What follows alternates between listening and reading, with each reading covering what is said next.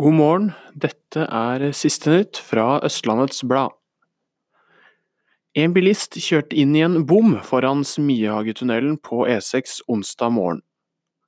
Det betyr at det er toveistrafikk på E6 i nordgående retning, forvent større forsinkelser i morgenrushet.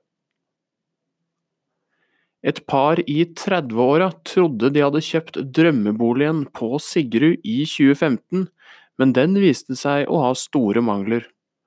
Etter runder i både tingretten og lagmannsretten møter nå paret både selgeren og forsikringsselskapet i Høyesterett. Restauranten Nummer Fire i Ski sentrum utvider sitt tilbud. Nå har de åpnet en uteservering med plass til 100 personer.